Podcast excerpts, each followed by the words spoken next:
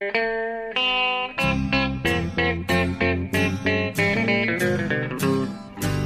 out there, we're on the air. It's hockey night tonight.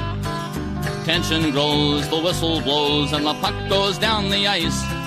The goalie jumps and the players bump, and the fans all go insane. Someone roars, Bobby scores at the good old hockey game. Oh, the good old hockey game is the best game you can name. And the best game you can name is the good old Hallå, hallå, hallå, hallå, hallå, hallå, hallå, hallå. Yes, hallå och välkomna till eh, en aningen försenad eh, podcast den här veckan med eh, Jonathan Ekeliv i Örby. Ja, eh, faktiskt. Utanför Stockholm. Och mig Per Bjurman i eh, Florida faktiskt. Ja, det ser man. Mm. Ja, och eh, anledningen till att detta 223 avsnitt är försenat är då att jag tidigare i veckan fick göra en utryckning på uppdrag för tidningen och, och nere här i Florida och eh, det har då också medfört att jag har inte mina vanliga eh, lurar med mikrofon med mig Nej. för att spela in det här avsnittet utan ifall det är krångel med ljudet så beror det på att jag eh, sitter med mina gamla ång-lurar. Ja, ja, men det, det låter bra än så länge i alla fall. Så det, det är vi Ja. glada för.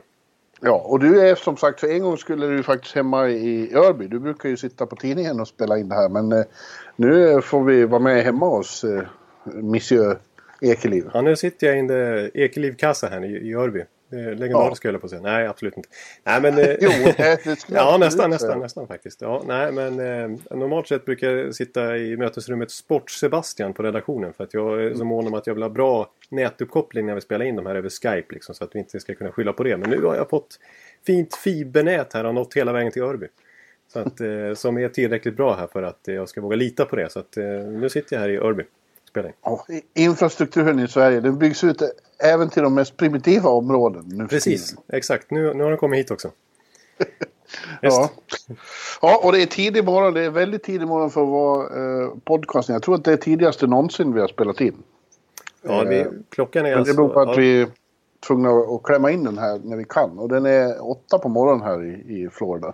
Exakt, det är, det är tidigt. Det är väldigt tidigt. Och två, jag kan inte skylla på någonting. Två klockan 14.00 alltså svensk tid för mig. Det är ändå relativt tidigt med tanke på att jag alltid vaskar eh, förmiddagarna. Och när jag är uppe mina sena NHL-nätter och går och lägger mig vid femtiden. Förlåt, vad sa du nu? Du vaskar förmiddagen. Vad betyder Ja, det? Du nej. slänger bort dem? Ja, de existerar inte i mitt liv. I alla fall inte vinterhalvåret.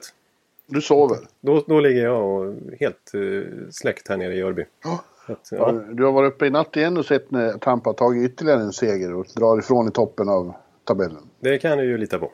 Ja. Absolut. Så går det till. Ja, men du, eh, nu ska vi ta och göra det här och vi har eh, en del spännande på, på menyn ändå. Ja. Framförallt ska vi ägna det avsnittet, eller jo, avsnittet eh, i slutet. Och det, är så att vi har pa- passerat halvtids... Eh, markeringen i grundserien nu. Alla lag har spelat mer än 41 matcher och eh, ja, första halvan är helt enkelt klar. Ja, Och därför så ska vi dela ut eh, awards i halvtid. Informella individuella priser som vi tycker de ska fördelas för de här första eh, 41 matcherna. Då. Exakt, och det vi har väntat lite ovanligt länge för att vara oss den här säsongen. För jag kommer ihåg i förra året fick vi lite skit när vi tog, jag tror vi hade körde ett awards-avsnitt redan efter första månaden. Och sen åt, liksom Ja. återkom med lite då och då under säsongen. Men nu har vi väntat till eh, halfway point i alla fall. Nu tycker vi att det är Ja. dags att, att göra en liten eh, avstämning vart vi ligger till. Och eh, vilka spelare vi tycker ska få de här individuella troféerna. Ja, det- tycker jag känns som en bra idé. Och jag tycker också det känns jävligt konstigt att vi redan är här. Ja, Det var inte alls... Eh, emotionellt så känns det som det var alldeles nyss vi, vi hade premiäravsnitt och, och såg de första matcherna med Rasmus Dahlin och Elias Pettersson och allt vad de heter. Exakt. Men eh, det, det går undan. Det, det går ju bara... Ja, det, usch, nu är det 2019, vi har fortfarande inte vant oss vid det. Det är liksom... Ja, nu är det ju andra halvan av säsongen. Nu är det ju mitt i the grind här. Nu är det snart dags för slutspurt. Ja, ja det är det.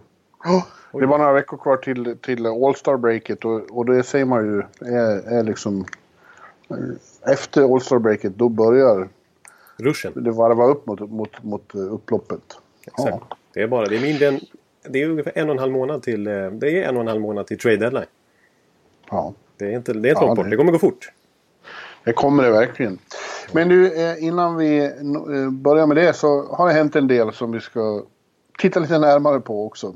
Här i, i den dryga veckan som har gått sen senast. Just det. Och vad har du, närm- vad har du i första hand på, på, på tungan? Ja, jag, Mr Mowgli. jag har en lite udda övergång här nu. För jag har eh, nämligen eh, lite ont i min eh, vänstra fot. Jag, jag, jag skulle säga att om jag skulle vara NHL-spelare, vilket ju inte är aktuellt naturligtvis. Då skulle jag vara uppsatt på IR just nu med week to week alltså. Jag Men lower body? Ja, lower body alltså. Jag kan ju avslöja i podden här att det handlar om foten. Eh, inte bara lower body så att säga. Eh, och nej, så jag, har lite, jag är lite halt faktiskt. Vad har du gjort då? då? Vad har du till då? ja, jag, jag, jag fattar inte vad jag gjorde. Jag bara vaknade en morgon och har jätteont. Så jag, Och det är jag, inte bra. det är inte bra. Det är inget bra tecken när man är 28 år. Nej. Man, Nej. man måste, nej, det måste du gå till doktorn med. Det är nästan så pass. Alltså. Ja. Så att jag, jag, jag vet inte vad som hänt. Jag måste ha trampat snett eller någonting. Jag, jag fattar inte hur... Eller något aggressionsutbrott när Tampa släppte in målen. Så där. Jag vet inte vad det kan bero på. ja. Men just det där man vaknar med smärtor som man inte vet var de kommer ifrån. Det är inte bra. Ja, ja, usch, ja. Men det, min... min, min Har ni, har ni läkare i Örby? Du, vi har en vårdcentral inte långt här bort. Vet. Så, Ja, eh, det är bara att trampa bort Sofistikerat det. är det. Ja. Nej men... Eh, eh, jo, i alla fall min, min lite udda koppling till det här var att eh, en annan som har haft lite problem med foten men som verkligen inte tycks ha det nu. Det är ju Erik Karlsson. Mm. Eh, för att eh, han och hela San Jose fullständigt bara öser på här sedan minst en månad tillbaks. Och vi som har gnällt lite på dem under hösten här och tyckt att det har gått trögt för, för San Jose och inte motsvarat de extrema förväntningar man hade inför säsongen när vi satt i preview-poddar och sådär. Och såg dem som en verklig contender. Men nu sista månaden så har det sett fantastiskt bra ut. Ja, det har det verkligen. Och, och eh, inte minst för Erik eh, själv då. Nej, Eh, exakt. Nu vart det, det vart inga nya poäng mot eh, Vegas igår, men innan dess hade han ju då poäng i 14 matcher i rad. Vilket är nytt klubbrekord för San Jose och i de sista matcherna så stod han för tre assist två gånger om på ett dygn. Ja. Eh, och ja, det är ju helt enkelt så att vad gäller honom då så han har slutligen eh, akklimatiserat sig och, och vant sig vid sin nya miljö och den nya miljön, alltså Sharks, har vant sig vid honom också. Ja. Eh, det tog lite längre tid kanske än man trodde. Men eh, det, det, är, det är ett lag som spelar, säger alla som, som liksom känner upplevelsen närmare av, av att ingå i, i, i Peter Boers lag. Ja, ja. De, de är lite speciella och han är ju speciell också, Erik. Det, han tar ju mycket utrymme. Liksom. ja. Så det har tagit lite tid, men nu är det verkligen explosivt där. Alltså. Nu är det nästan så att man kan börja använda det uttrycket som, vi mynt, som du myntade kring Sharks för några år sedan när, när de gick till Stanley Cup-final. När vi kallade deras powerplay för vad var det? Kärnvapen... Massförstörelsevapen. Massförstörelsevapen kallar jag det för. Liksom. Ja, nu Ja. känns det ju så ungefär. Alltså, deras, för, kollar man på namnen de har i truppen så visst, det, de ska ju vara så här bra också. Ja, eh, ja, precis. De är så bra som de, eh, som de, som de ska vara. Ja. Ehm, De är så bra som de ser ut på pappret och då är det ju inte kul för motståndarna. Nej, nu, nu är de ju en contender.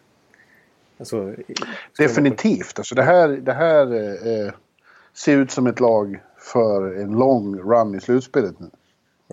Ja, det, är det, är tveklöst lågt. Men ska man härleda, nu sa jag lite slarvigt så här, ja sen minst en månad tillbaka så var det bra. Men det går ju faktiskt att härleda den här liksom framgångsvågen till faktiskt en viss match. Vad som hände efter en viss match. Ottawa-återkomsten. Det, det, Ja, just det. det. Det såg ju så liksom bistert ut fram till dess. Och, och Erik sa ju själv att det var liksom en, ja, men en börda som lättade från axlarna. Han, hade, han visste om den där matchen i bakhuvudet ända sedan schemat Mm. sattes. Och inte minst veckorna dessförinnan av säsongen. Eh, Ja, precis. men faktum är att de hade ett ganska mediokert facit fram till dess. De harvade kring slutspelsstrecket och Erik hade ju inte något bra personligt facit heller, eh, poängmässigt i alla fall. Eh, Men sen dess, alltså det är bara att titta, de är 14, 3, 2 i record sen dess. Ja, och, och grejen var att den matchen var kanske lågvattenmärket också. Ja. De var inte bra då. Nej, de var ju katastrof. Det, det, vad blev det? 6-2 eller sånt. Ja, det blev ju en väldig massa mål i alla fall. Ja, det var en besvikelse för, för dem och för Erik. Eh, men du har nog rätt. Det, det kanske har varit vändpunkten där. För, faktum är att eh, det var ju så, dålig, så pass dålig den insatsen. Det var ju på en roadtrip då och spelade Montreal om det var dagen efter eller två dagar senare. De åkte dit i alla fall direkt efter matchen. Och då var det ju till och med så att Doug Wilson kände att nu är det dags att kliva ner i, bo- i, liksom, i omklädningsrummet själv. general managern alltså, och säga några välvalda ord. Och det har ju naturligtvis inte läckt ut ordagrant vad han sa. Men det var något i stil med har det kommit fram till. Vilket även alltså, Karlssons nuvarande backpartner Brennan Dillon har jag sett varit ute och sagt att Kolla liksom runt i omklädningsrummet. Kolla vilket lag vi har alltså. Ni har ju enormt bra lagkamrater. Ni har en mm. fantastisk chans den här säsongen eh, som individer här att nå en enorm framgång. Ta den nu liksom. Låt inte den här säsongen slarvas bort. Eh, och det känns som att det budskapet nådde fram. för att jag, jag tror lite grann att, att eh, när Erik Karlsson kom och den här hypen eh, verkligen satte fart i början av säsongen så tänkte man lite att det här kommer lösa sig. Och jag behöver mm. inte ta i 110% för kolla bara vilka bra lagkamrater jag har. Men nu känns det som att nu har de insett att oj vilken chans vi har. Jag, jag, ger jag 110% ger han 110% han 110%. Vilken otrolig maxnivå vi kan nå då. Mm. Eh, och det tror jag, jag, jag tror att det där mötet verkligen gav effekt. Samtidigt är det så att det inte bara är de riktigt stora namnen som har börjat leverera. Vilket de har då. Framförallt ja. Pavelski och Couture eh, har ju varit väldigt bra här. Burns. Men även... Eh, ja, precis. Precis. Burns. Han leder på backarnas poängliga Exakt, och, och Erik är tvåa. Han är... Precis. De, de, de har verkligen... Eh, båda två är ju i superform. Ja, men det har ju kommit fram killar som Lukas Radil. Ja, check. Ja, ja. check på dig själv ja. Och så sådana som, eh, som vi har pratat om, som sådana som har kanske eh, det här fastna i steget utvecklingen som vi pratar om i, i den här podden ibland. Ja. Och då tänker jag på Hurtle, Donskoj, Meyer. De har ju också eh, varit utsökta den här månaden vi pratar om. Ja precis, alltså den, eh, när, precis när man ändå pratar om Radil till exempel så den, den bäst fungerande kedjan totalt sett över säsongen det var kanske ändå faktiskt Hertel ihop med Couture framförallt då, och Mayer. Det var ändå en bra kedja under hösten när det gick dåligt. Men en viktig förändring de gjorde eh, här kring jul det var att eh, för ett, ett, problem som har varit alltså sen Chris Tierney försvann i den här traden till Ottawa för Karlsson så, så blev mm. ju deras centerdjup Eh, ganska påverkat trots allt. Man kanske tycker att Tierney inte är någon otrolig spelare men ja, det är liksom, I de två sista kedjorna såg det lite tunt ut och när de skulle göra matchups mot andra lag så Ja, det var inte 5 plus liksom. Men eh, nu har de satt ner Hertel som center i tredje kedjan och han spelar med Evander Kane och Jonas Donskoj. Och den kedjan, alltså jag tror han har gjort 17 mål på 8-9 matcher och de avgjorde matchen häromnatten också mot just Vegas. De, eh, nu får de verkligen produktion från hela line-upen och det gör ju en enorm skillnad. Ja. Så, ja. Ja, eh, och eh, ja, man kan ju nämna även eh, Marcus Sörensen då. Sören på rören. Sören på rören som, som, ja. som vi säger podd, i bloggen. Ja. Han är ju i första kedjan nu med, med Joe och Joe. Little Joe och Big Joe. Ja, just det. Pavelski och Thornton. Det är, inga, det är ingen dålig omgivning. Nej. Och så har vi Melkman också som är, ibland framstår som den ultimata fjärdekedja-kungen. Ja. Han är riktigt bra i den rollen. Ja, men han är ju en gnuggare liksom. Som ja. har en ganska jämn nivå liksom. Verkligen. Och producerar samtidigt. Ja, han gjorde mål här mot Vegas. Ja, ja så att jag, jag, För första gången på några år så vill jag verkligen varna för Sharks. Alltså det, känns, eh, det känns mycket lovande där. Och, och matchen igår, eh, jag har ju pratat om Erik en hel del, vilket för övrigt eh, det skrev jag i bloggen här om, bland det här yrkets största privilegier är att få prata med Erik Karlsson när det går bra. Ja, det han, är så, han är så rolig. Han är så anspråkslös. Så, så opretentiös människa. Han tar sig verkligen inte själv på stort allvar. Nej, han är bra på att ironisera kring sig själv om man ska. Ja, han är bra på... Och ska jag jämföra honom med Dean Martin back in the day på... Eh, med, med, med, Frank Sinatra och The Rat Pack. Han är lite så, otroligt skön stil. Och nu bara garvar jag om att och, assist, men det får ju, jag får ju lov att göra assist nu eftersom jag inte kan göra mål längre. Jag kommer aldrig mer att göra mål. ja, det, det, det, tror jag han kommer göra. Men han hävdar ju det nu att eh, nej, det är bara assist. Det är kul att lagkamraterna gör någonting men inte jag kan göra någonting. Ja. Han själv är helt grym egentligen. Men, ja. ja, men vad han också sa då sista att den här matchen mot, mot eh, Vegas då igår. Mm. Det skulle bli det ultimata testet för de har ju legat och skavt mot varandra på andra och tredje plats i Pacific där. Eh, och även tampas med Calgary då. Eh, och de såg det som det stora testet. Nu hann inte jag se så mycket av den där matchen igår men, men eh, eh de, de kommer tillbaka som både 0-1 och 0-2 och vinner med 3-2. Nu tror jag att det, det, det, var nog också en väldigt viktig match som nu gör dem till hetaste namnet i I Pacific. I, åtminstone i Pacific i alla fall. Ja. Ja. ja. Eh, Och jag tyckte en statement-seger var ju faktiskt mot mitt Tampa här. De bröt ju Tampas 16 verkligen. matcher långa poängsvit genom att krossa Tampa. De var överlägsna Ja. den matchen. Nu var det sista matchen på en California roadtrip för Tampa som inte stod att känna igen. Men det var ändå en 5-2 överkörning där både Burns och Karlsson spelade 30 minuter var. Och var helt dominanta. De ägde, ägde isen faktiskt båda två. Eh, så att ja, jag blev lite skraj för Hajarna. Alltså när jag såg Ja. den matchen. Alltså det, de är bra. Vad säger du om en final mellan San Jose och Tampa? Skulle det bli bra? Jag, jag är ju... Du vill ju inte möta någon Jag vill ju inte möta någon. Nej, jag vill ju möta Edmonton i finalen. sånt. Nej, då skulle jag bli rädd för McDavid. Nej, men, eh, nej, jag är ju ständigt pessimistiskt inställd. Men eh, nej, det är Sharks, det, det, skulle, det jag säga i alla fall det skulle vara en fantastiskt underhållande serie. För det är ju två lag som verkligen vill driva spelet. Som, eh, där pucken har onekligen premieras. Eh, och eh, där det finns... Ja, det bara skölj, sköljs över av offensiv individuell kvalitet. Så att, eh, jag skulle inte tacka nej. Och jag tror inte du skulle tacka nej rent klimatmässigt i alla fall. Nej, det skulle vara trevligt. Om nu Tampa skulle gå till final så finns det då mycket små möjligheter att de återställs mot samma lag som senast de var i final. För Ja, att eh, Chicago Blackhawks eh, har skärpt till sig lite på slutet. Eh, Colleton verkar ha fått lite ordning på, på torpet.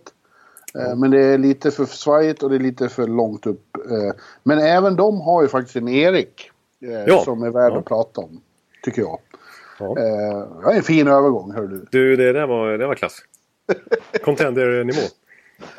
Ja, ja vi pratar, det är Erik Gustafsson då som eh, om man ser till eh, grad av kändisskap före säsongen, eller be, namnkunnighet ska vi säga, Ja. Så finns det ingen, ingen svensk som har haft ett större genombrott. Eh, han var ju riktigt dålig får vi väl ändå säga. Eh, ja, han har ju varit upp och Han ner hade- mellan han hade- NHL i ganska många år. Ja, han hade ljusglimtar även förra, förra året, men, men den här eh, offensiva succén i år är, är, ja, det är ändå ett rejält genombrott. Ja, det får man säga. Han har ju gått och blivit Patrick Kanes nya lekkamrat. Ja, Men när, eh, Kane är inte den som går ut och säger vad som helst om vilken spelare som helst. Men han är, det, det, det, är, ju inte så här Panali-nivå förstås. Naturligtvis, jag ska inte överdriva. Men han säger ändå att det är fantastiskt kul att spela med Gustafsson. Att han liksom verkligen höjer hans spelsinne högt. I Ja. uttalanden och så här. Tycker att det är, han är riktigt bra just nu liksom. Och han hittar ytor, han är extremt eh, kreativ. Han, alltså hans touch med pucken. Eh, alltså Mm. hans, hans kroppsfinter, hans finter liksom. Han, ja, det är en sevärd spelare, Erik Gustafsson. Han är alltså nia i backarnas målliga och är den svensk, svenska back som har gjort flest mål. Eh, Ja. nu. Och det är ju det är väldigt imponerande tycker jag. I tanke, med tanke på vad det finns för konkurrenter på den eh, positionen i, bland svenskar. Säger. Ja, och med tanke på att Chicago inte precis har, har briljerat som lag hela tiden. nej. Nej. Men det är intressant det där med att sån, för en sån som Kane så är det ju, han är ju en artist själv, Ja, otroligt det- kreativ. ja. Men när en sån släpps ut i, i, i omgivning som inte liksom hänger med i hans kreativitet, då, det måste ju vara frustrerande för en sån spelare. Så när han nu har hittat en ny lekkamrat så måste det ju kännas rätt fint. Ja, för Kane själv nu, han är ju i gammal Kane-form här. Han är ju ännu vassare än Gustafsson får vi, får vi säga. Så han har gjort typ så här, två poäng per match i, i flera veckor. Jag På säga. Ja. Nej, men han är ju nästan, eh, han börjar ju snart leta sig uppåt i poängtoppen han med i hela ligan. Ja, Eh, trots Chicagos eh, kräftgång totalt sett den här säsongen. Men eh, ja, det jag tycker det är lite kul att följa Colletons eh, byggen då. Så om man tittar på underliggande siffror så ser man att de fortfarande inte hänger med. Det är, de har lite för svagt material. Men det finns många liksom, individuella ljusglimtar man kan hitta i alla fall. Och, det är kul att se hur Colleton har, har ändrat på sin usage som man brukar säga av spelare. Alltså vilka han ger förtroende. Så här. Erik Gustafsson är ju onekligen en, en Colleton-favorit. Han har ju varit nere hos honom i Rockford. Eh, Ja. Så sent som förra säsongen. Och han har ju alltid hyllat. Han, till exempel han har sagt att ja, men för någon månad sedan. eh, Då, då, för en månad sedan, alltså när hans fantastiska svit inleddes. Han har gjort 16 poäng på 17 matcher som back här, eh, Erik Gustafsson. Men då blev han faktiskt scratchad av Colleton. Ja det känns som att han ger honom lite tough love, tycker jag, hela Ja. tiden. Att han, att han eh, eh, pushar honom att det finns, han menar han, han måste leva ut hela sin potential. Han tycker inte att han gör det. Exakt, han säger ju så här att eh, Erik Gustafsson, he's got the world at his feet. Ja, Han exakt. är liksom Så en... superback i, i vardande. Betyder det ungefär. Men eh, samtidigt tycker han inte att han lever upp till det riktigt. Att han tar för sig tillräckligt mycket. Alltså, Nej, han menar att det finns alltså ännu mer att ta precis, här. alltså han kan... eh, Och framförallt, och det, vet jag, det pratade jag faktiskt med Colleton inför säsongen. när Jag, ringde han då och, och, och pratade lite om Gustafsson bland annat. Och då, då tycker han ju Får jag pratar han svenska, Colleton? Nej, det gör han faktiskt inte. Han, han, han kör engelska. Så du fick eh, dra lite engelska med honom också? Ja, precis. Det, det, Ja. Jag ska inte spela upp någonting. det, är inte så han förstod det i alla fall. Ja, han förstod mig i alla fall. Eh, men, eh, nej, men han sa att... Eh, för det är ju typiskt Colleton också. Så var det i Mora också. Att han är ju... Alltså han är ju liksom... Han berömmer ju spelare och sådär. Men framförallt så är han hård och trycker väl- väldigt på saker han vill att de ska förbättra. Han är ju väldigt mycket med fötterna på jorden, Colleton. Och vill att spelarna ska vara det också. Hela tiden att... Det är ändå... Visst, man ska ge dem beröm och lyfta upp dem och liksom inte trycka ner dem på det viset. Men det är ändå viktigt att påtala detaljer hela, hela, hela tiden. Och, och han tycker att han spelar lite för svårt i egen zon fortfarande. Det är det som han framförallt ser som en något han måste uppgradera, uppgradera. Att han inte kan vara konstruktiv hela tiden. Utan framförallt i egen zon så måste han ta de enkla vägarna ibland också. Ja. Eh, Och det är kanske är det som, som han fortfarande behöver jobba på. Men, men offensivt nu så har han ju verkligen exploderat. Och det gjorde han redan under Colleton i AHL i fjol när han öste in poäng under hans ledning i Rockford. Eh, Ja, det är väldigt roligt att se. Jag är väldigt förtjust när, det kommer fram nya svenskar och, det går bra för dem. Ja, jag, tycker, jag, tycker, jag tycker att eh, Chicago har lite anledning att vara optimist i framtiden också. Vi såg ju Henry Jokiharju dominera totalt i VM för Finland. Mm. Och de Adam Bokvist där som vi såg i Sverige också. Så det, det finns, jag tycker de, de har draftat rätt bra här de senaste åren. Och jag gillar ändå på något sätt, vi har kritiserat Stan Bowman men jag tycker ändå att de tänker lite utanför boxen i, i Chicago med att ta in en 33-årig coach. Och, Ja, eh, genom ja de, fick ju, de fick ju till en riktig nystart med att sparka Quenville då. Vilket var kontroversiellt såklart, men så framgångsrikt. Men, men det markerar ju också en, en grundlig nystart. Precis, för det var ändå vad de behövde. Alltså, Quenville kan, är ju en fantastisk coach men det var inte kanske vad de behöver just nu när de måste gå in i, i en liten slags rebuild on the fly. Ja, det är absolut. Eller kanske egentligen en grundlig re- rebuild för den enda som håller kvalitet från den gamla eran det är ju, det är ju Kane. Ja. Eh, men, eh, nej, men till exempel, de är ju väldigt aktiva i Europa. Eh, genom att ta in liksom, eh, så här, Dominikation, odraftad tysk tar de in och han har ju sett bra ut den här säsongen faktiskt. Jag tycker de är, de är lite överallt och, och letar och försöker eh, göra sitt lag bättre utifrån att de knappt har något löneutrymme när hela den här gamla kåren sitter på höga löner. Så jag tycker Ja. de gör så, så gott de kan utifrån den skiten de har satt sig i själva. Ja. Men Det- eh, som vi börjar med att konstatera så är det, det är lite för bräckligt förmodligen för att nå slutspel redan i år. Ja, det, det, det går inte. Jag vet att Mark Lazarus, din kompis där, skrev någon artikel häromdagen och verkligen försökte hitta alla ljusglimtar som fanns för att de skulle gå till slutspel ändå. Men det, det, det krävs ett mirakel. Men då, då, får, då får vi se det som silver lining att eh, eh, Grönborg och, och, och, och Garpen och Poppe Ja. eh, kan plocka Erik Gustafsson till VM-laget direkt och att han skulle kunna bli ett väldigt stort utropstecken och, och folkhjälte där. Precis, han var ju faktiskt bra i VM senast innan han bröt, var det handen eller något sånt där i, i, i hockey-VM senast. Men nu kan han verkligen bli en sån här lite, lite folkkär. Lite, Ja. lite alltså genombrott för den breda massan. Yes. Eh, hade du något mer att säga om Chicago? Ja, du har ju, ja, jag har ju, har ju ja, jag kan mycket säga men vi kan gå vidare. alla. Vi kan gå vidare. Ja, för att... eh, Ja, jag sa det, om man, om man räknar med namnkunnighet så, så har Erik stått för, för det stora svenska genombrottet. Mm. Om man ser till eh, mer etablerade spelare eh, som man har väntat på eh, ska få ut mer av sin totala potential så är ju det Elias som har stått för det stora genombrottet. Och då pratar jag om den andra Elias. Ja. Inte Pettersson, utan Elias Lindholm i Calgary. ja. ja. Som, eh, Snygg övergång igen. Ja, det är övergångarnas morgon i Florida. Eh, han eh, har ju redan slagit sitt eh, eh, personliga eh, poängrekord efter halva säsongen. Han är första svensk upp till 50 poäng. Och eh, jag såg honom här nu, eh, jag var i Philadelphia förra helgen och såg när... Eh, det var ingen vidare match. Det var en sån här, eh, match som visar att Calgary hittar sätt att vinna som det heter. Medan ja. Philadelphia hittar sätt att förlora. Ja, ja det är väl signifikativt för deras säsong just nu. Ja. ja. Nej men det är Lindholm igen. Alltså, det som jag tycker är lite kul att konstatera det är att eh, han är alltså Han är ju första svensk upp till 50 poäng också. Men han är också första nyförvärvet den här säsongen upp till 50 poäng. Han är före John Tavares till exempel som var något mer hypad får vi säga. Så att, eh, ja. Ganska lyckad investering får ja, säga av, av, Calgary. Det var inte han som var huvudpisen i den dealen utan den vi pratade framförallt om var det ju Doggy Hamilton som gick i motsatt riktning.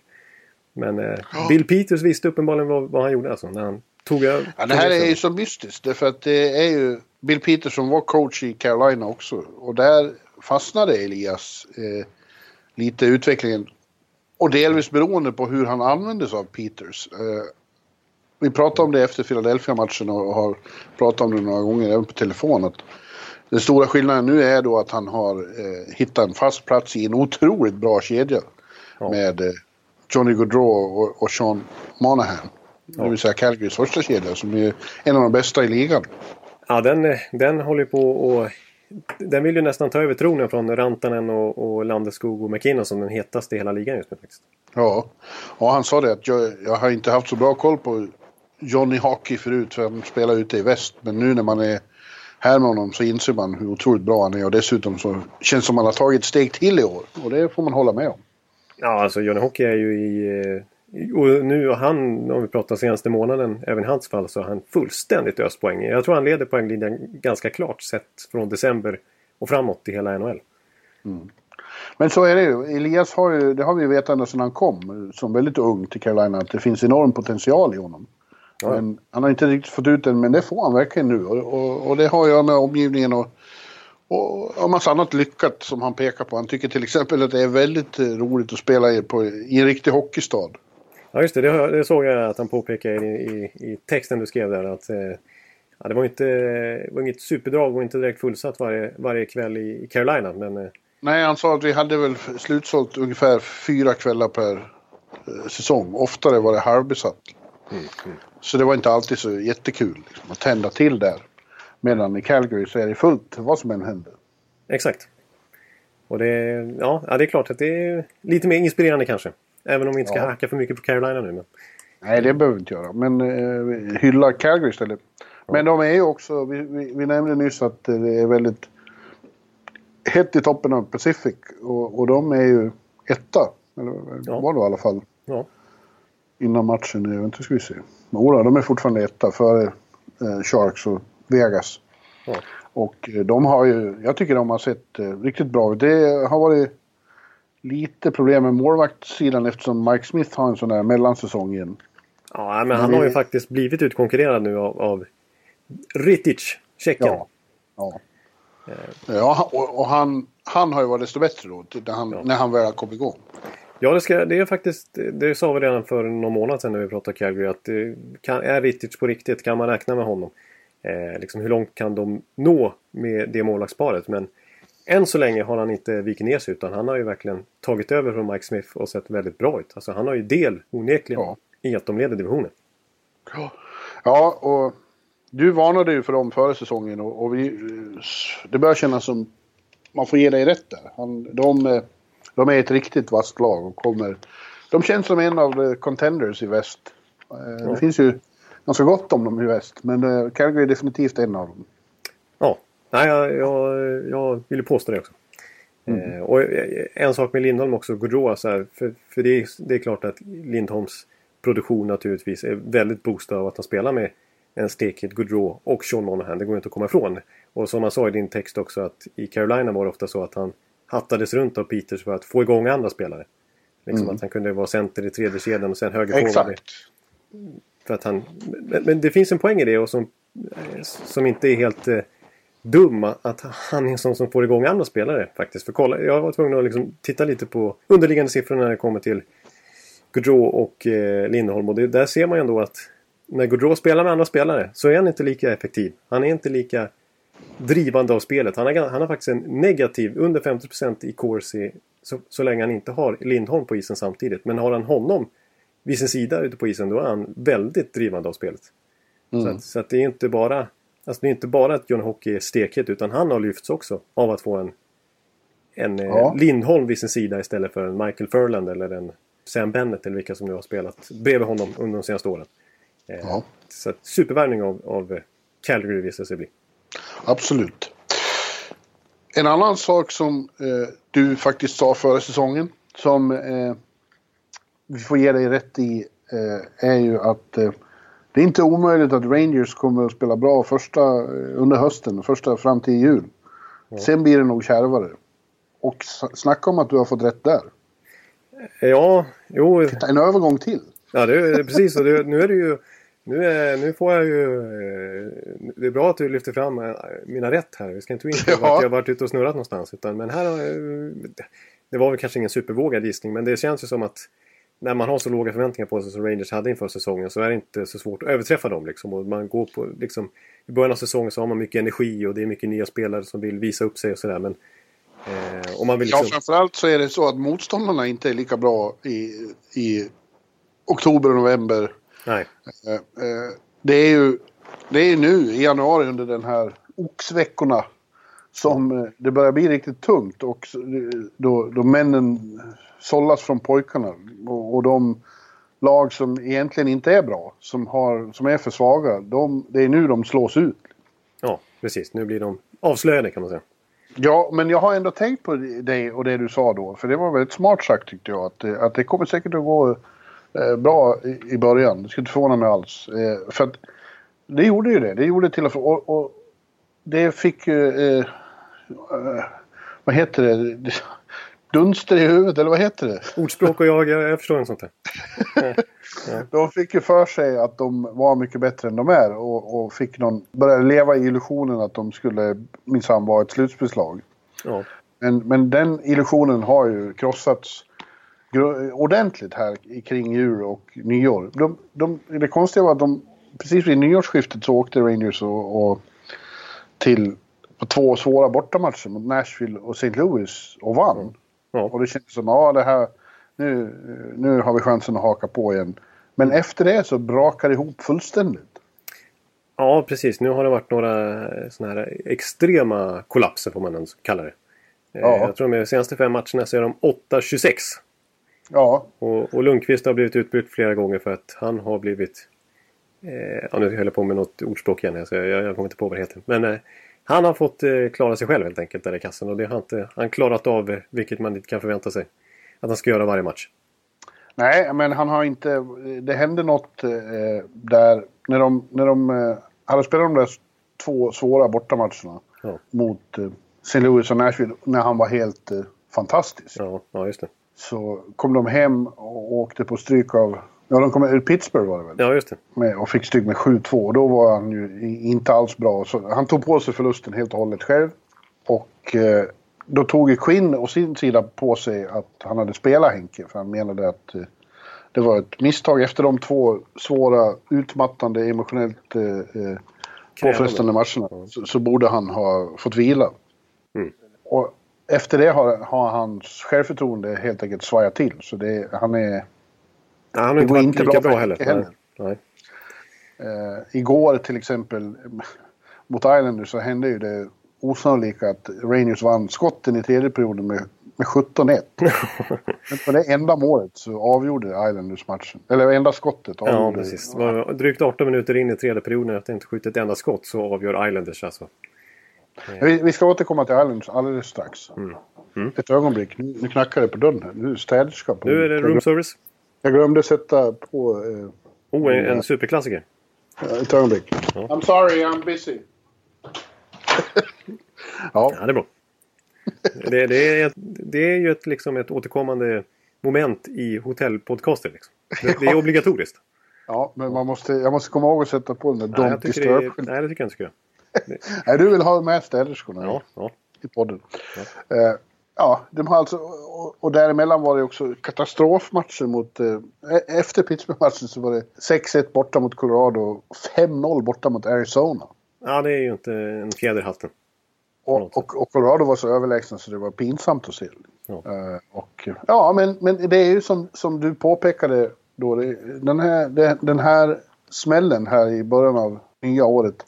Den korrigerar sanningen för dem. Liksom. Det är ju så här att om man verkligen ska se till hur laget ser ut på pappret så är de ju inte bättre än så här. Och, och det var ju i princip planerat eftersom de nu gick ut med sin rebuild-idé där i för, slutet av förra säsongen. Ja. Eh, så, eh, det är lite olyckligt för dem att de, att de byggde upp förväntningar under hösten om att ja, men vi är bättre än vad, vad alla har sagt och vi ska minsann gå till slutspel. Och så blir det så deprimerat nu och liksom, det är katastrof. Vad fan det, eh, ja, det Är man i en riktig rebuild så är det så här det blir. Och, och, och de måste ju, framförallt måste ju ledningen nu liksom inse att eh, de här föreställningarna om att den här säsongen ska gå bättre. Resultatet var aldrig i fokus den här säsongen. Nej. Och det är lika bra att, att, att nu verkligen iscensätta fas 2 i den här majbrasan. Ja, ja. Trada bort de som ska tradas bort och, och, satsa på att utveckla ungdomarna som ska göra det i framtiden. Ja, precis. För det, det, visst, det, Kevin Hayes är ju ett stort eh, liksom, undantag och även Chris Kreider har ju varit bra säsongen igenom eh, av de här spelarna som förmodligen kommer rensas ut. Eh, men, mm. men Mats Zuccarello, där ser man ju att han lider av den riktning som Rangers är på väg i och att han vet att han kommer bli tradad. Han har ju uttryckligen sagt det, att det har påverkat hans säsong. Att mm. han, han, bara sitter och väntar på att något lag någonstans kommer att trada till sig honom. Han vet inte var. Han vet bara att han ingår inte alls i Rangers framtidsplaner. Nej. Nej, och det tycker jag är lika bra att, att göra det till exempel. Ja. Eh, och, och, även nu, men nu är Hayes skadad då, men medan han är uppe i den här, han har ju haft en väldigt, sin bästa säsong kanske. Ja. Och om man nu ändå ska trada honom, gör det nu medan han är het. Liksom, så man får riktigt bra utbyte för. Ja, precis. Nu höll jag på med något ordspråk igen. Smida medan järnet är varmt. Ja, det är ja. helt korrekt. Jajamän, där kom det. ja, ett av mina höjdpunkter i podden historien. Känner jag. Ja, men han, de, de är ju också... En punkt som är lite bekymrande för dem, tycker jag, eller tror jag, är att de unga backarna de har satsat på inte är så bra som de nog hade hoppats. Han, Pionk verkar ju, backen verkar ju Quinn tycka om då. Ja. Eh, jag tycker han har varit riktigt bedrövlig. Och ja. som jag har förstått ja. av eh, min Elias Pettersson, nej, nej, nej Tobias Pettersson. Ja. Han är lätt att blanda ihop med Elias eftersom han har, han har hypat Elias sen långt innan alla andra. Ja, visst. Ja. Eh, att under, de underliggande siffrorna visar också det, att Pionka är värdelös. ja. ja, exakt. Nej, det är ju Tobias Pettersson, liksom många andra Rangers-fans, är ju lite... Alltså Quinn är ju inte ifrågasatt för han gör en del bra saker som, de, som, som uppskattas också och, och sådär. Men, men eh, hans usage, precis som det var med badtofflan Vigneault, så är det lite att man de kliar sig i huvudet. Eh, liksom ja. att Pionk får så mycket förtroende att Mark Stahl fortfarande är en viktig back för Rangers spelmässigt. Ja, och att, det är också verkligen underligt. Ja, och eh, det är liksom det är många ändå spännande forwards som får väldigt höga krav på sig från Quing och markeras genom att bänka så här Butchnevich fortfarande och Schüttel till viss del och Visi och så vidare. Det är många som som han inte... Ja. Som, som, medan han liksom en sån som Cody McLeod, han är given att få spela fjärde serien. Jag, jag skulle just säga det. Inte bara de, att de blir bänkade är en sak, det kan ju ha med undervisningen att göra. Ja. Men, men att placera dem i fjärde kedjan, de här begåvningarna med en sån träklump som, som Cloud. Ja. Det tycker jag är otroligt obegripligt. Det, det känns kontraproduktivt. Ja, exakt. Väldigt bra ord. Mm. I, i, I den process de befinner sig i. Det är som att han inte fattar vad, vad han har blivit anställd för, Khan. Nej. Nej, exakt. Och nu när de ändå är i den här positionen de är. Det är, det är de här killarna som ska leda Rangers i framtiden. Så känns det som att man måste verkligen ta, ge dem bästa möjliga utrymme. Bästa möjliga chans. Visst, man kan peta dem ibland och man kan inte tillåta vad som helst. Men att placera dem med Cool McLeod match efter match, det är ju ingenting. Nej. Nej. Nej, det kommer, om de inte kalibrerar sina förväntningar och inser vilka de är och var de är, då kommer det bli en jävligt tråkig vår för alla i Rangers. Ja. Eller så, eller så, eller så liksom in, ställer de sig, ställer in sig på att, att eh, ja, vi är i den här processen nu och vi ska göra det bästa av den. Eh, men vi ska inte hålla på och inbilla oss att vi har någonting med, med, med några wildcard-platser att göra. Exakt. Nej, de ska mer fokusera på uh, spelet än på resultaten. Ja. Men då grannen i stan, i, ute i Brooklyn och Long Island. Ja. Som de alltså mötte igår i ett, ett ja, svidande derby och kommer möta igen nu imorgon lördag på matiné. Och då är jag på plats igen. Oh, trevligt. Då bjuder vi upp eh, back in biz ja. på riktigt i NHL-världen. Ja. De däremot har ju alla eh, förutsättningar att ta sig till slutspel ser det ut som. Och jag, jag skulle härmed vilja utse eh, New York Islanders till eh, den här säsongens stora, stora positiva överraskning som lag. Alltså, för kommer du ihåg vad vi sa efter Tavares Gate? Ja, det, vi dödförklarade dem. Ja, när tröjorna brann ute på, på Long Island. Det här skulle, det skulle bli sån emotionellt svart hår i hela organisationen att de aldrig skulle repa sig. Ja, det... De samlat sig till en fantastiskt bra säsong och den cred som ska ges till Barry Trotz är, finns det knappt eh, ord för. Nej, nej precis. Alltså, han är ju... Vi ska prata awards senare här som sagt men eh, han är väl ganska gjuten ja. som Jack Adams-vinnare just nu med tanke på vad han har lyckats göra med inte minst det här försvarsspelet som var en parodi i fjol. Uh, och då ska vi komma ihåg att det har inte hänt så mycket. Det är ju i princip samma backar som, som står där. Som han har till sitt förfogande som, som Dog Waite hade i fjol. Och mm. eh, medan det då lät, vi har ju refererat och citerat det några gånger förut där med vad Andrei Burakovsky sa om Islanders backsida i fjol. Han sa att han liksom ja, han har aldrig fått så mycket utrymme i offensiv zon. Han har aldrig varit med om att ett motståndarlag gett honom så mycket tid. Som när han mötte Islanders. Och det är inte så vanligt att motståndare uttrycker sig så om, om vilka de möter. Eh, men, eh, men så var det ju. Det var ju, det var ju en hönsgård. Eh, och nu är de det lag som... Jag vet inte om de släpper in minst mål, men om det är näst minst mål. Alltså de har gått från det lag som släpper in mest mål till det som släpper in i princip minst mål. Och det, ja. är, ju, det är ju Barry Trotz all the way. Ja, och också eh, målvaktsspelet har varit bra. Ja. Fantastiskt bra på slutet. Eh, och det är allra främst då Robin Lehner som nu ja, tycks ha tagit lite rollen av första Morris där ändå. Ja, det får vi säga att han har gjort. Det är, alltså, han har ju, det, han mot Rangers så var det ju åttonde raka segern för, för hans del. Ja. ja. Eh, och han är, ligger ju högt upp i alla statistiska kategorier. Såväl underliggande som faktiska, om man bara kollar räddningsprocent och sådär. Han har verkligen tagit kliv här under magikern Mitch Korn. Ja, ju... Jag skulle just komma, jag undrade just hur länge det skulle dröja innan du nämnde ja, honom. Ja, men man måste ju göra det när man pratar. Som följer Barry Trotz i fotspåren. Precis, Runt den flygrädde märkliga mannen som har garderoben i sitt eh, baklucka i bilen. Ja.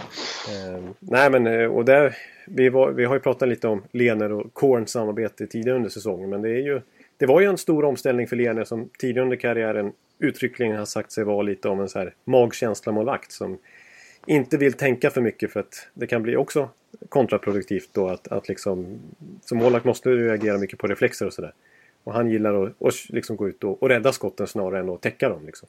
Ja. Men, men Mitch Korn är ju en, en detaljman som pekar på varenda vinkel och hur, exakt i vilken grad du ska hålla plockhandsken och så vidare och dina förflyttningar och allt sånt där. Så han har varit inne och petat överallt i, i, i Leners målvaktsspel. Och mm. eh, det har ju gjort uppenbarligen enormt stor skillnad för, för honom.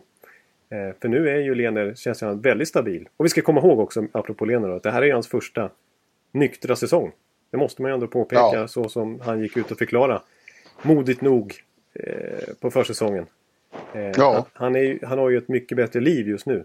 Och jag, jag, tror inte att det bara är någon fluk att Lener är så här bra utan... Nej, absolut. Nej, det sitter ihop. Det och uh, Korn är ju så ja. två att han är nykter och uh, i psykisk hälsa. Ja, precis. Så att jag, och det har inte riktigt med det att göra men, men jag tycker ändå man ska komma ihåg med målvakter också att det kan ta några år i NHL innan de blommar ut. Det är väldigt mm. tydligt så med målvakter tycker jag. För att eh, Ta en sån som Carter Hutton i Buffalo till exempel. Han är över 30 bast nu innan han slår igenom som första keeper på allvar. Vi har Devin Dubnik som verkligen var harva överallt innan han helt plötsligt slog igenom på riktigt i först Arizona och sen i Minnesota. Eh, vi har Ben Bishop som var i motsvarande ålder som Lener är nu innan han blev första målvakt för första gången i NHL. I Tampa ja. Så att, eh, det är ingen, liksom, målvakter behöver inte slå igenom när de är 19 år utan de kan vara 27, 28 till och med över 30 innan de pikar liksom. Ja. Och eh, Robin Lehner var han 27. Så att, eh, det, ja. det, det kanske är nu han, han verkligen blir den här... Han, alltså vi ska inte dra för stora växlar än men jag tror att han kommer bli en, en riktigt, riktigt bra NHL-målvakt under ett tag framöver. Det tror jag faktiskt. Ja, väldigt kul för, för Robin. Eh, Men vad gäller Islanders som lag också så tycker jag utöver det rent tekniska de har gjort med backarna så eh, den stora bedriften tycker jag nog ändå är just eh, eh hur de har hanterat den här eh, Tavares-situationen emotionellt. Oh. Vi trodde de skulle falla ihop.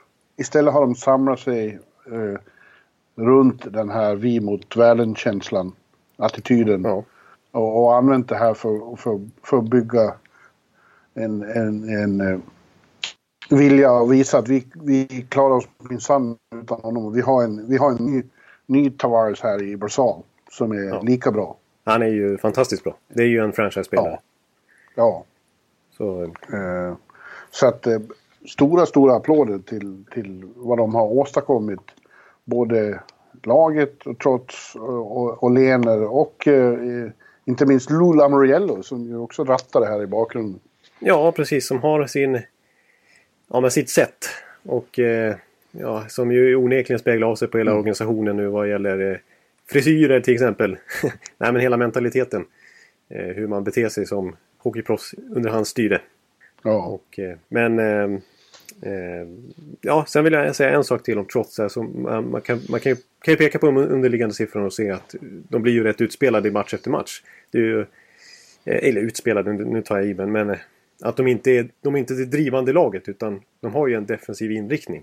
Sådär. Mm. Och, men kollar man på liksom Barry Trotz även de ja, sista åren i Washington. Eh, så, så var det så här det såg ut. Alltså, eh, ofta så låg de faktiskt, eh, inte sällan låg de under 50% i corset till exempel. Att, att motståndarna hade fler skottförsök än vad Washington trots deras spelarmaterial hade. Däremot hade de en väldigt hög effektivitet en väldigt hög skottprocent. Washington låg etta nästan år efter år och visst har man Alexander Ovechkin och den typen av spelare så kommer man ju ha en hög skottprocent. Men nu ligger också Islanders på en väldigt hög skottprocent. Och jag tror inte det bara har att göra med tur utan det är liksom hans sätt att spela. De, de, de försvarar sig väldigt, väldigt bra. De släpper till väldigt få liksom high danger scoring chances som en kategori heter då. Eh, däremot så, så kommer de till bra lägen och då blir ju skottprocenten högre.